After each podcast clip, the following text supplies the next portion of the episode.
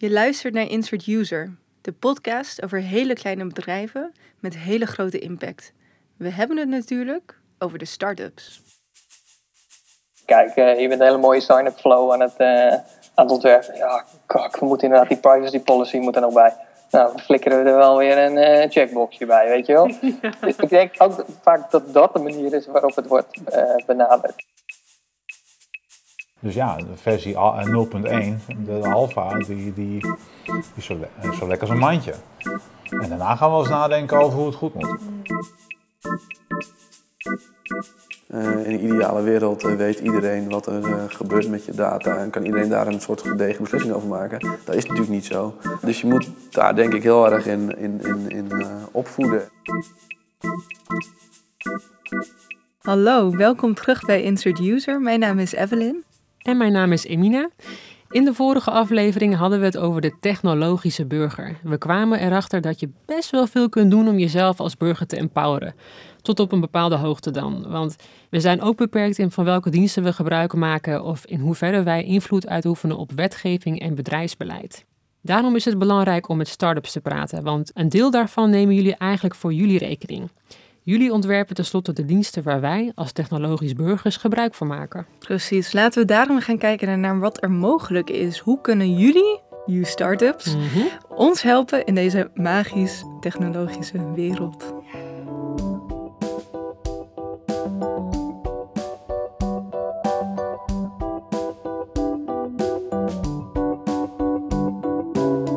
Onze eerste gast vandaag is Jaap Henk Hoepman, officieel de wetenschappelijk directeur van het Privacy and Identity Lab, de PI Lab, wat ik altijd heel stoer vind klinken. En hij is ook associate professor Privacy and Security aan de Radboud Universiteit in Nijmegen. Nou, daarnaast is hij uh, regelmatig op de radio te horen. Hij schrijft columns voor het FD. Maar misschien het allerbelangrijkste. Um, Jaap Henk heeft echt een hacker mindset.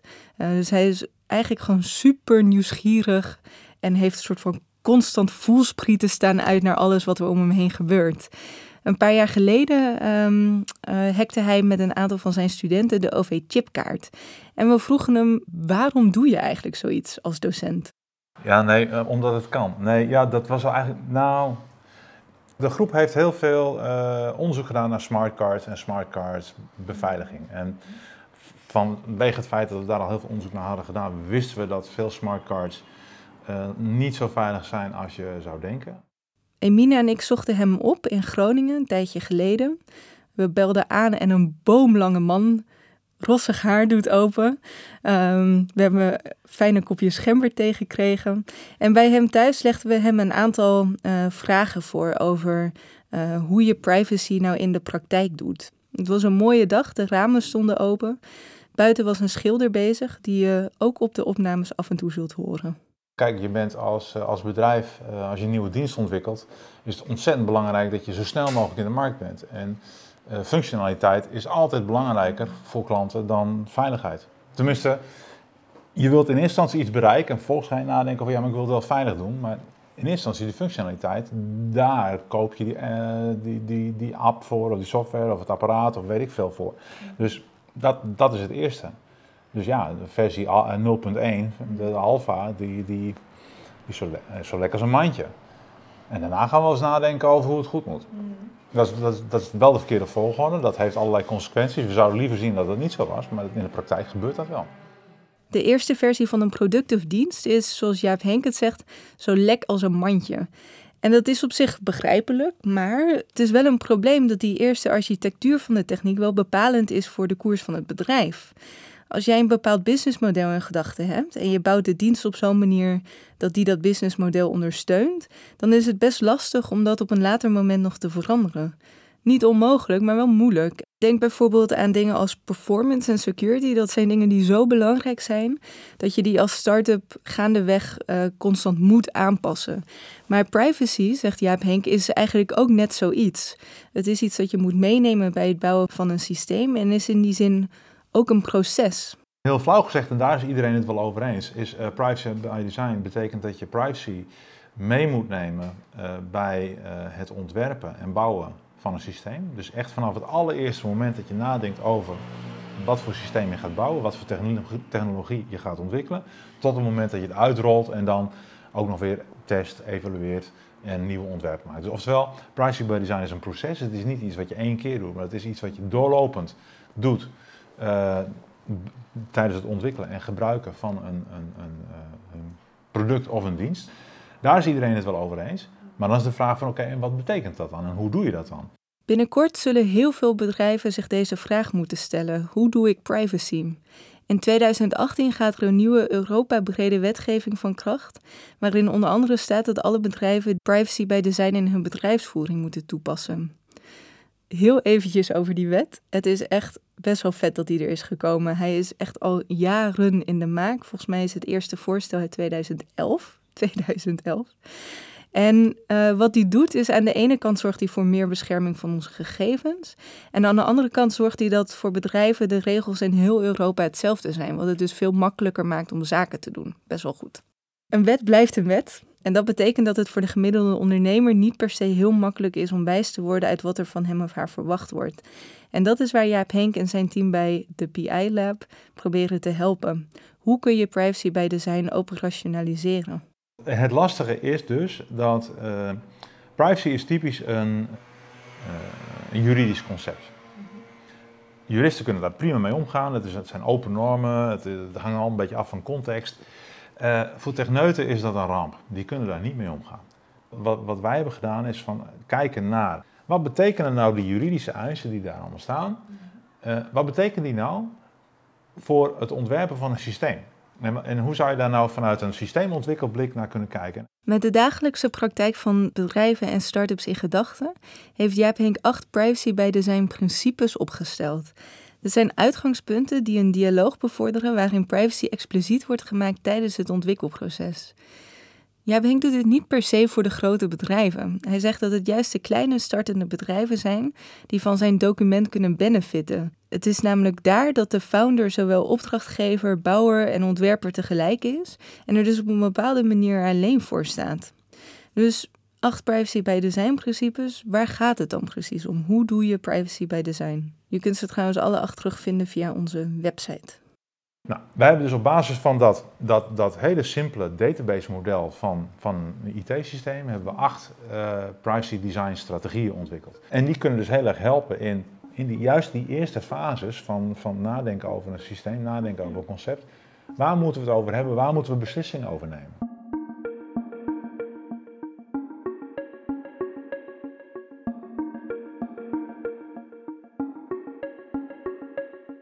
Je hebt um, minimaliseer, separeer alias distribueer, uh, bescherm en uh, aggregeer. Dat zijn de eerste vier, dat zijn de, de data-georiënteerde uh, strategieën. waarbij aggregeer dus bijvoorbeeld iets is als in plaats van dat ik je geboortedatum weet, weet ik of je ouder bent dan 18. Want dat is het enige waar ik in geïnteresseerd ben. Dus je, je abstraheert tot het niveau wat relevant is en niet, niet, niet gedetailleerder dan dat. En er zijn ook nog vier uh, meer procesgeoriënteerde uh, strategieën. Dat is uh, informeer en geef controle. Dus dat is heel, eigenlijk één op één de, de, de, de, de rechten van het datasubject op inzage en correctie van zijn gegevens, zijn persoonlijke gegevens die je beheert. En dan heb je um, ook nog twee andere strategieën, de laatste twee. En dat is um, Enforce is de Engelse benaming, dus um, dwing af, handhaaf. Ja? Dus dat gaat heel erg over uh, privacy policies en, en, dat je die handhaaft. En de laatste, uh, demonstrate in het, in het, in het, in het Engels. Um, maak het aantoonbaar. Documenteer wat je doet. Nou, dat zijn de acht strategieën. Hier kunnen we echt wat mee. Dat klinkt super duidelijk en logisch. Dus de eerste vier principes: minimaliseer, separeer, alias distribueer abstraheer en maak onzichtbaar zijn meer data georiënteerd. En de laatste vier, informeer, geef controle, dwing af en toon aan, meer procesgeoriënteerd. Ik ben benieuwd hoe deze principes of handvatten in de praktijk kunnen worden toegepast. Ik spreek daarom met Martijn de Kuiper. Hij is oprichter van Revue, een dienst die nieuwsbrieven weer persoonlijk wil maken. Als je bent ingeschreven op de nieuwsbrief van Insert User, dan ontvang je die dus via Revue. Zijn eerste start-up Juno, een online huishoudboekje, bouwde hij al in zijn studententijd. Ik legde hem de acht privacy by design principes voor die Jaap Henk heeft opgesteld om te kijken in hoeverre deze haalbaar zijn. Ik begin bij principe 1. Minimaliseer. Ja, klinkt logisch toch? Als iemand jouw site bezoekt, weet je best wel veel over die persoon. Je zou alles op kunnen slaan met het idee, oh, misschien kan ik dat binnenkort of over een tijd wel gebruiken of zo. Ja, dat is natuurlijk niet echt de way to go. Het is, het is meer uh, andersom. Je moet beginnen met niks en dan denken, wat heb ik nodig? In plaats van beginnen met alles en dan denken, wat ga ik ervan gebruiken? Het volgende principe is separeer, alias distribueer. Dit is als start-up haast niet te doen als je begint. Oh ja, wat dan? Nou ja, maar dan moet je het over meerdere locaties. En dan moet je het in verschillende databases, over verschillende servers. Ja, voordat je dit, uh, dit helemaal hebt staan. Bij Juno destijds hadden we, nou wat op een andere manier, we hebben wel heel veel geanonimiseerd en ge, geencrypt en weet ik het allemaal, heel technisch. Ook op één plek staan. Maar ik kan me voorstellen, dat zou bijvoorbeeld een mooi, um, een mooi voorbeeld zijn om dat wel te doen. Martijn bouwde het eerste prototype van Revue zelf in slechts vier weken. Na de lancering op Product Hunt, een platform voor nieuwe techproducten, had hij zijn eerste 2000 gebruikers binnen. Twee jaar later, 20.000 gebruikers, 1,4 miljoen subscribers en echt miljoenen datapunten later, wil Martijn zijn dienst naar de next level tillen. Hij wil van Revue naast zijn dienst voor newsletters meer een platform voor lezers maken. Dit is hoe snel je bedrijf kan groeien. En ik kan me voorstellen dat het daarbij lastig is om na te denken over privacy en security. Ik vraag Martijn naar principe nummer 3. Abstraheer. Dan kom je natuurlijk op een hele moeilijke discussie over business versus uh, of privacy of veiligheid, die dingen, die, die botsing. Juist de geaggregeerde informatie kan heel interessant zijn voor je business. Als je data gaat verkopen of als je je product beter wil maken. Dat is vaak overigens ook wel weer natuurlijk een argument waar heel veel mensen zich achter schuilen. Ja, we willen ons product beter maken en bla bla. Ja, dat blijft een moeilijke discussie.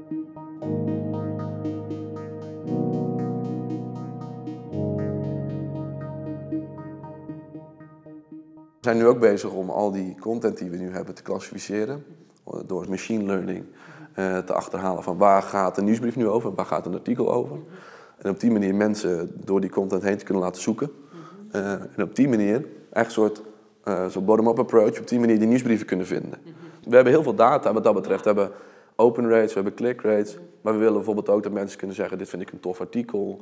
Of allerlei andere waarden aan artikelen hangen. Waardoor je heel goed kunt bepalen wat zijn nu interessante artikelen. We gaan verder met principe 4. Maak onzichtbaar. Voorkom dat persoonsgegevens openbaar worden door ze bijvoorbeeld te anonimiseren, de toegang te beperken of ze te beschermen. Nou, dit vind ik, dit vind ik een dingetje wat een logische. Ja, wat ook een beetje terugkomt op uh, normen en waarden, zeg maar. En, en gewoon slim, verstandig omgaan met die dingen. Dat vind ik wel een logische. Logisch dus. We gaan verder naar principe 5. Informeer gebruikers over hun persoonsverwerking. Dit komt vaak neer op duidelijke privacy policy, maar ook hoe informeer ik gebruikers als hun data gelekt is. Ja, dat vind ik ook zo'n logische. Ja. ja toch? Wat, eh, ja. Blijkbaar als je vindt dat je het niet kan uh, vertellen, dan zit het dus al blijkbaar een beetje, is dat een beetje shady blijkbaar.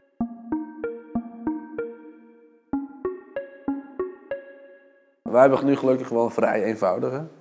Die hebben we opgesteld door uh, een soort template te pakken. Daar hebben we hulp bij gekregen.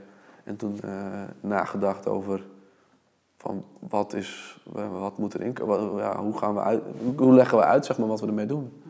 Uh, maar hij is wel echt eenvoudig nog hoor. Er kunnen best nog echt nog verbeterd worden. Maar dat is ook weer zo'n typisch dingetje. Ik bedoel, een privacy policy. Um, het is iets, als je als je die wil laten maken door echt een beetje een goede club, dan ben je echt heel veel geld kwijt. Dus nou ja, zeker in het begin, in de fase van een start-up, schiet dat er toch eerlijk gezegd bij iedereen altijd wel vaak een beetje bij in. Uh, bij ons is het ook wel iets later gekomen. Dan principe 6. Geef controle aan de gebruiker om hun eigen data te beheren, te corrigeren of te verwijderen. Ja, in mijn type producten, of het project die ik zo bouw, is, is je accountinfo, of je, je, je, de informatie die je uh, invoert of die ergens vandaan gehaald wordt vanuit, je, vanuit andere, uh, weet je, als je inlogt met Twitter, weet ik veel wat, die is allemaal ten behoeve van het platform, zeg maar, of van wat je ermee gaat doen. Dus die kun je logischerwijs ook wijzigen en je kunt logischerwijs je account verwijderen. De één na laatste, principe 7, dwing af. Committeer je aan privacyvriendelijke verwerking van persoonsgegevens. Ja, klinkt logisch. Tenminste, dat is makkelijk om te zeggen. Maar uh, ja, op een gegeven moment ben je zo groot dat je moeilijk... Nu je nog weet, je weet precies iedereen wat doet. En als je straks gewoon, uh, weet ik veel, heel veel man hebt, dan is het wel slim om te weten van jongens, zo gaan we om met privacy. En de mensen, ja, het is een beetje hetzelfde als uh, dat je gewoon überhaupt je, je values binnen je bedrijf en over cultuur en zo. Dan ga je ook op een gegeven moment nu, als er iemand komt, dan ga je met die persoon zitten en dan heb je misschien uh, twee sheetjes van, nou, dit is een beetje, of, of, drie dan, hier gaan willen we naartoe en dit zijn een beetje onze values. Als je groter wordt, ga je daar ook meer tijd aan besteden. Van, dan ga je ook soort core values op papier zetten en zo. En daar hoort denk ik dan privacy ook bij. En de laatste, principe 8, toon aan. Laat zien dat je op een privacyvriendelijke wijze persoonsgegevens verwerkt. Hoe zou Martijn dit interpreteren? Nou, ook dat certificeren, ja. Dat is ook voor later, denk ik. Maar dat is wel, dat is wel ja. Dat is, dat is ook tonen, hè. Van, uh, wij deden dat dus ook, van uh, aangeven dat, dat je inderdaad een bepaalde level van veiligheid... of een bepaalde level van privacy-achtige graad hebt. Martijn geeft aan dat de meeste principes eigenlijk wel een soort van open deuren zijn. Maar het komt ook neer op, ja, wat is het doel en het businessmodel van je start-up? Als jij data wil verkopen, dan ben je al gewoon heel snel klaar. Maar als jij een dienst honest en goed in elkaar wil zetten en voor wil bereiden op grote groei later, dan moet je echt wel in het begin nadenken en hele lastige keuzes maken. Keuzes die ook bepaalde businessmodellen uitsluiten. Ja, dan kom je weer terug, denk ik, op transparantie en op, uh, op inzichtelijk maken. En uh, uh, in een ideale wereld weet iedereen wat er gebeurt met je data en kan iedereen daar een soort gedegen beslissing over maken. Dat is natuurlijk niet zo. Dus je moet daar denk ik heel erg in, in, in, in opvoeden en in mensen leren en weten wat je met de data doet. Dat ze daar echt soms bewust van zijn. Die, die bewustwording creëren.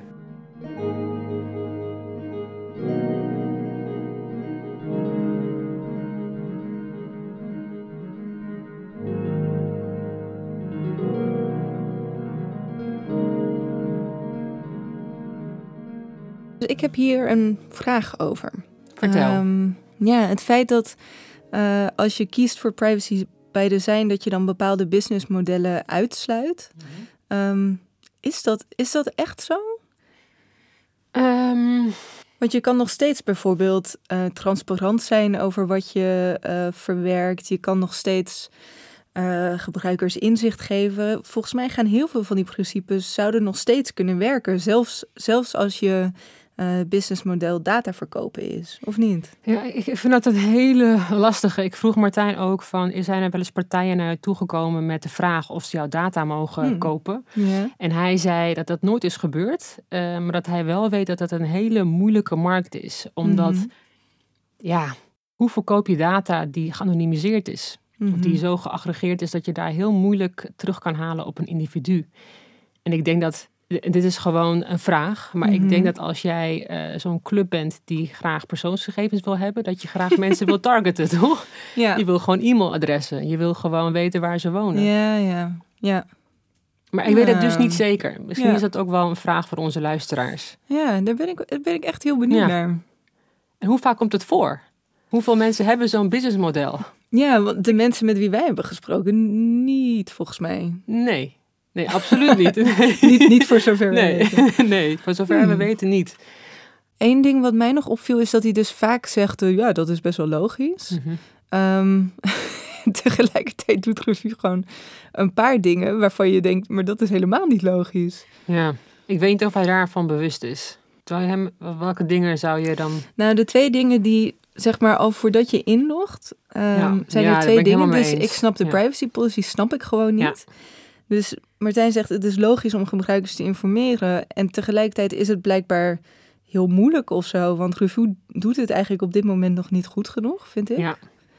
En het tweede, uh, wat, wat ik gewoon echt een, een, een keuze vind die ik niet snap... Um, is dat je alleen met Twitter, Facebook of Google kunt inloggen. Ja, maar dat is er echt eentje, daar ben ik het helemaal mee eens. Je zou eigenlijk ook met je e-mail willen inloggen. Ja. Al is het maar omdat dus eigenlijk wat hij zegt is... Je moet, een, je moet een account bij een andere dienst hebben... om van mijn dienst gebruik te mogen maken. Plus, uh, uh, ik wil, blijkbaar wil hij heel graag dat die andere diensten weten... dat dat wij ook op revue actief zijn of zo? Ja, ik, ik denk niet dat dat het uh, idee erachter is. Want het idee erachter is, net als bij Medium, daar kan je eigenlijk alleen Mhm. maar inloggen via Twitter. Nee, ik kan ook gewoon met een e-mail. Oh, echt waar? Ja. Inmiddels. Ja. In het begin Oké. kon het niet. Nee? Nee, moest je echt met Twitter moest je inloggen. En het was puur bedoeld om mensen gelijk al in die mindset van ja, weet je, je kon gelijk al de artikelen die je las, kon je gelijk tweeten. Het Mhm. maakt het ook inzichtelijker voor iedereen van wat werd dan getweet, wat werd dan Mhm. gedistribueerd. Medium is heel, ja, is ook door de oprichters van Twitter. Dus Ja, dat, het is een eh, heel sociaal Ja, ding. ja, Dus dan wil je mensen stimuleren om ook dat sociale component Ja. te doen. absoluut. Maar het is wel, ik weet wel dat toen ik inderdaad eh, Hmm. voor de eerste keer moest inloggen bij eh Revue, dat ik het onlogisch vond. Want Twitter koppelen aan iets wat eigenlijk in je e-mail Mhm. terechtkomt, is gewoon nog een soort van gekke stap. Misschien. Mm. Ja. En het tweede punt wat je aangeeft, of die privacy policy, en dat zegt eh, Martijn ook. Mhm. Hij vindt het heel logisch, maar hij heeft daar ook gewoon eigenlijk nog helemaal niks aan gedaan. Het is Mhm. inderdaad een template wat hij ergens vandaan heeft gehaald. Ja, dat snel ook, opgesteld. Ja. En, en eh, hij zegt, eh, het is een van dure club die je moet inhuren om dat vervolgens echt strak te krijgen. Mhm. En hij zou ook wel graag willen weten hoe dat simpeler of makkelijker kan. Mm. Eh, maar het is duidelijk niet zijn prioriteit, denk ik. Ik denk dat hij het wel via een template heeft afgetikt, maar ja. De focus is misschien nu ergens anders. Ja. Ja, dan vind ik het nog wel gewoon boeiend om beter te begrijpen, zeg maar. eh, het lijkt wel alsof iedereen die we gesproken hebben, de dingen waar we het over hebben, heel logisch vinden. Ja, natuurlijk moet je het zo doen, Ja. of natuurlijk is dat goed. Ja. Hoe komt het dan dat er toch nog echt een disconnect is tussen de waarde die mensen hebben, of de dingen die ze belangrijk vinden, en wat hun product daadwerkelijk doet? Ja. Ik denk echt prioriteiten. Daarom vind, ik, Hmm. daarom vind ik die principes van Jaap Henk Hoepman zo tof. Eh, Martijn die is zo hard gegroeid in de afgelopen twee jaar. Ja. Hoe bouw je daar onderwerpen in als privacy? ja. Ja. Er moet iemand zijn Ja. die je daarmee confronteert of die dat aanbiedt. Of, Ja. of een makkelijker template. Of Hmm. een club zijn die niet zo duur is en met je meekijkt naar hoe kun je deze privacy policy voor de gebruiker heel inzichtelijk maken.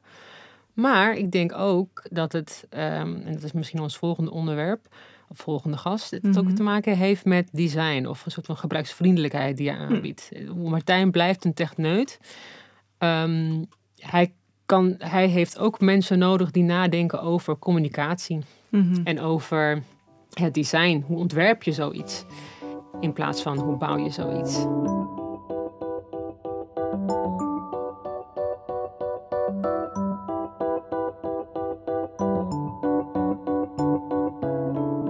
Denk dat er een veelgemaakte fout binnen eh, product design is, die ik zelf ook genoeg nog steeds maak. Hoor. Ik wil, ik, laat me alsjeblieft niet duidelijk maken dat ik niet eh, hier alle wijsheid in pacht heb, maar dat je altijd denkt dat een product wordt gebruikt zoals jij het gebruikt. En, en, en, en, en dat wat jij denkt wat een product nodig heeft, dat anderen dat ook wel zullen vinden. En, en dat is gewoon, dat is bullshit, want iedereen denkt anders en, en, en jij bent niet de gebruiker. Je hoorde net Wouter de Bres, directeur product design bij Degreed, een internationaal e-learning platform waar hij zijn start-up Gibbon eerder dit jaar aan verkocht. Hij studeerde eerst sociale psychologie, maar merkte toch dat het praktijkgerichte van product design hem veel meer aansprak. Nu gebruikt hij wat hij weet over hoe mensen denken, ook in zijn ontwerpstrategieën. Ik wilde Wouter heel graag spreken omdat hij niet alleen een expert is op het gebied van product design, maar ook op een soort van meta-level nadenkt over hoe designers betere producten kunnen ontwerpen. En daar bedoel ik niet mee mooier en sexier, wat een soort van likes genereert op Dribbel, maar juist eerlijker en vriendelijker. Ik spreek Wouter via Skype vanuit zijn kantoor in Leiden. Niet dat Leiden zo ver weg is, maar hij staat inmiddels op het punt om vader te worden van een tweeling. Het gesprek kan dus elk moment afgekapt worden. Ik vroeg Wouter hoe privacyvriendelijke ontwerpstrategieën vanuit design benaderd kunnen worden. Zijn er bijvoorbeeld regels voor digital product designers op te stellen waarin de uitkomst altijd een product oplevert dat eerlijk en vriendelijk is voor de gebruiker? Ja, nee, was het maar zo, denk ik. ja, ik denk niet dat je daar, dat je daar komt. Het is ook zo lastig, ook het verschilt weer zo per product, weet je wel. En, en, en wie zijn je gebruikers? Als je heel erg, ik, ik noem maar wat, eh, het product Excel. Ik weet niet hoor, ik neem nu even een uiterste. ja, eh, dan kan je, dan kan je allemaal features uitproberen te slopen. En eh, de- ik denk dat is nou weer net zo'n product waar mensen het juist gebruiken omdat er juist veel features in zitten. Terwijl, noem maar wat, Product Hunt, waar mensen gewoon willen zien wat de beste, wat de, welke nieuwe producten er zijn. elke extra feature die daarbij werd gebouwd, dacht ik van, Jezus kappers man, uh, hou je bij je core, weet je wel, hou je bij, bij waarvoor mensen er naartoe komen. Wat is de main uh, activity dat, dat gebruikers in jouw product willen gebruiken? Dus het, het, ook al zou je die regels willen opzetten, ik denk dat het zo verschilt per wat voor product je hebt.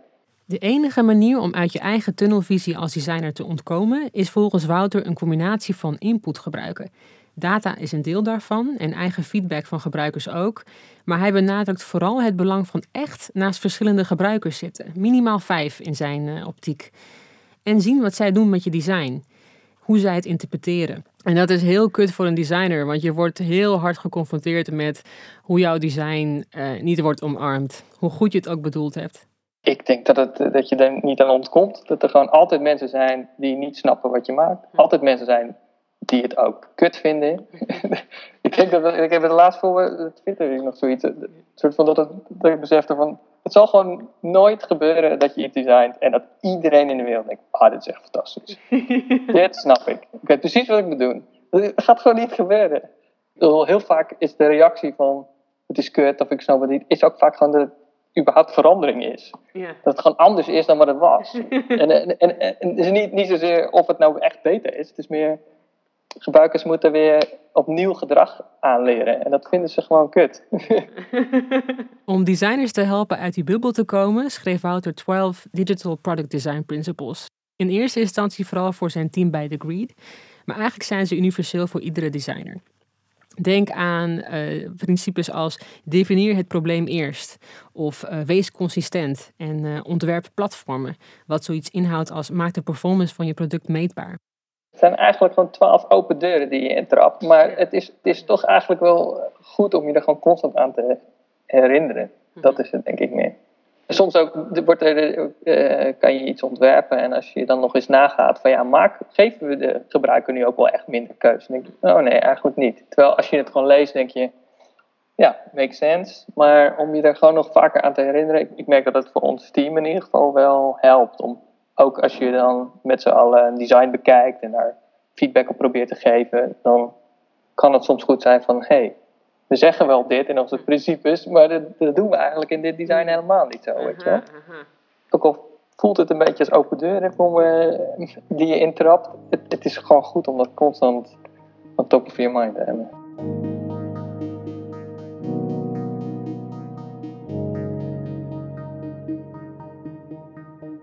Hoe zit het dan eh, met privacy? Hoe zou je dat kunnen ontwerpen? Al is het maar een soort van betere privacy policy, die iedere gebruiker gewoon super graag wil lezen. Maar ik denk ook dat het vaak als een soort afterthought wordt uh, benaderd. Ja. Ook als ik naar mezelf kijk, uh, je bent een hele mooie sign-up flow aan het, aan het ontwerpen. Ja, kak, we moeten inderdaad die privacy policy moet er nog bij. Nou, we flikkeren we er wel weer een uh, checkboxje bij, weet je wel. Ik denk ook vaak dat dat de manier is waarop het wordt uh, benaderd. En uh, ik denk dat dat gewoon... Dat zijn van die dingen waar je gewoon liever niet voor ontwerpt. Terwijl dat juist misschien de dingen zijn die het denkwerk van een aantal designers kunnen gebruiken. En, en van hoe kan je dat nou echt doen? En bijvoorbeeld, bijvoorbeeld die hele privacy regels of weet ik veel wat. Uh, dat zijn zulke lappen tekst. Ja, gaat iemand dat nou echt lezen? Dat, nee, ik denk eigenlijk dat de, bij wijze van spreken, de advocaat van je bedrijf, die is in dat betreft ook gewoon een designer. Van, ja, design is een normale taal die ik ook begrijp. Ja. Hou het gewoon één linia, ja, als het kan natuurlijk. Maar meer, ja, het begint denk ik al bij van hoe, hoe wat is onze manier waarop we onze gebruikers uh, benaderen. Gaan we echt inderdaad hoogdravende advocatentaal gebruiken om een privacy policy uit te leggen? Ja, dan, uh, dan neem je het dan niet serieus. Als je gaat nadenken, waarom, waarom, waarom doen advocaten dat uh, niet ook nadenken over wat de gebruiker wil?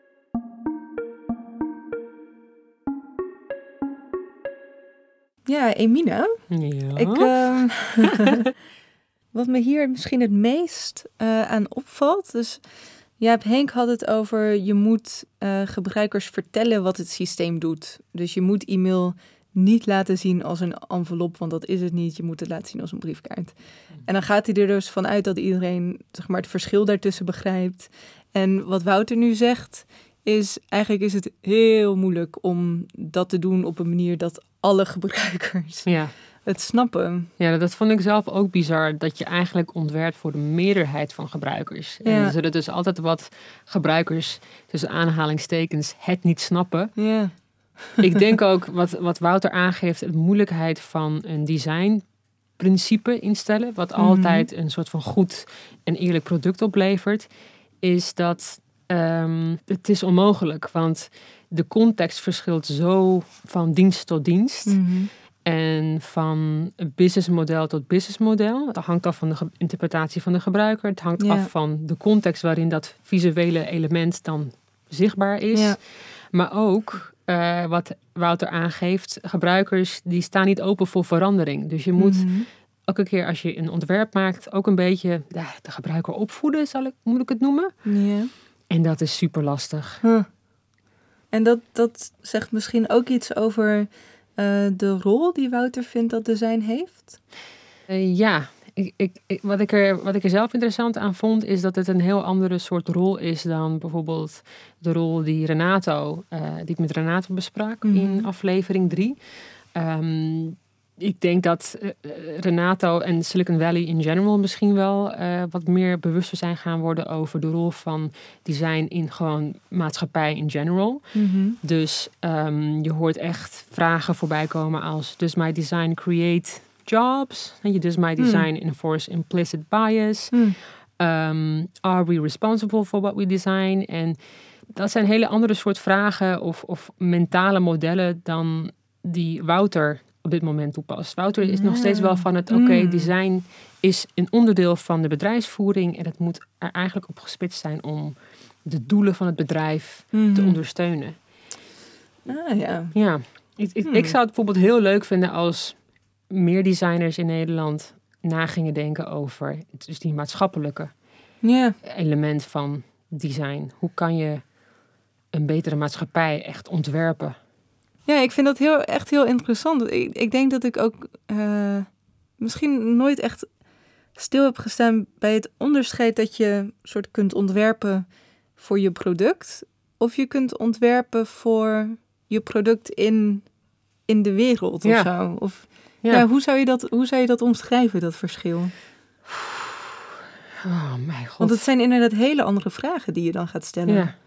Dan is het niet, k- klikt een gebruiker op de juiste manier door mijn product of door mijn Ja. website, maar ehm, wat is het effect van mijn ontwerp ja, op best wel grote dingen, toch? grote vraagstukken in de Ja. maatschappij. Ja, en hoe ga je dat testen? Hmm.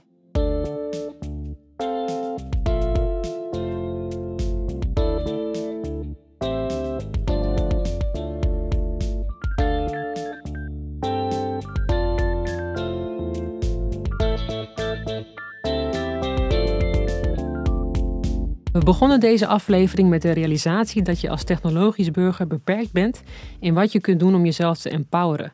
En we daarom dus de hulp nodig hebben van startups. Met welke principes zouden zij rekening moeten houden om te garanderen dat de toekomst voor iedereen een betere is? We kickstarten daarom met Jaap Henk Hoepman met zijn acht principes voor privacy bij design. Een hele concrete vertaling van de wetgeving die in 2018 van kracht wordt. De meeste daarvan zijn eigenlijk hele logische principes, hoorden we van Martijn. Maar toch vertaalt het zich niet altijd even makkelijk naar de praktijk. Volgens Wouter kan design en communicatie daar nog wel een wereld van verschil maken. En de vraag waar wij mee achterblijven? We zijn zo dichtbij. We hebben principes, we hebben voorbeelden. Hoe zetten we die aller, allerlaatste stap? Ja, en we horen daarom heel graag van jullie, onze luisteraars, wat jullie hiervan vinden. Wat zijn de goede voorbeelden? Wie is jullie de inspiratie? Wie van jullie wil zich hiervoor hard maken? Ja, kom op. Weet je, volgende week is onze aller, allerlaatste aflevering. Ja. En het wordt tijd om concreet te worden. Yes. Geen principes, maar een manifest. Yes. Wij kunnen erover praten, maar jullie, founders, developers, designers out there, jullie kunnen het daadwerkelijk doen. Ja, help ons. Bel ons, e-mail ons, sms ons, zoek Tweet ons adres ons. op via de Kamer van Koophandel. Target ons via marketing. ja, ja en, en help ons die laatste aflevering te maken. Ja, let's go. Bedankt voor het luisteren. Op zoek naar meer verdieping of een link van iets waar we het over gehad hebben, ga dan naar onze website insertuser.nl. Insert wordt gemaakt door ons, jullie host Emina Senjarevic en Evelyn Austin.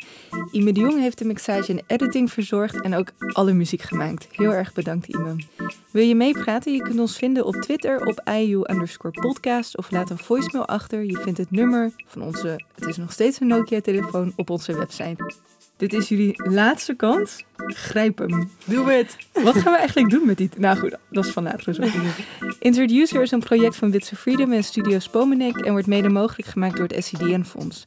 Heel veel dank aan Jaap Henk, Martijn en Wouter voor hun inzichten uit de start-up scene.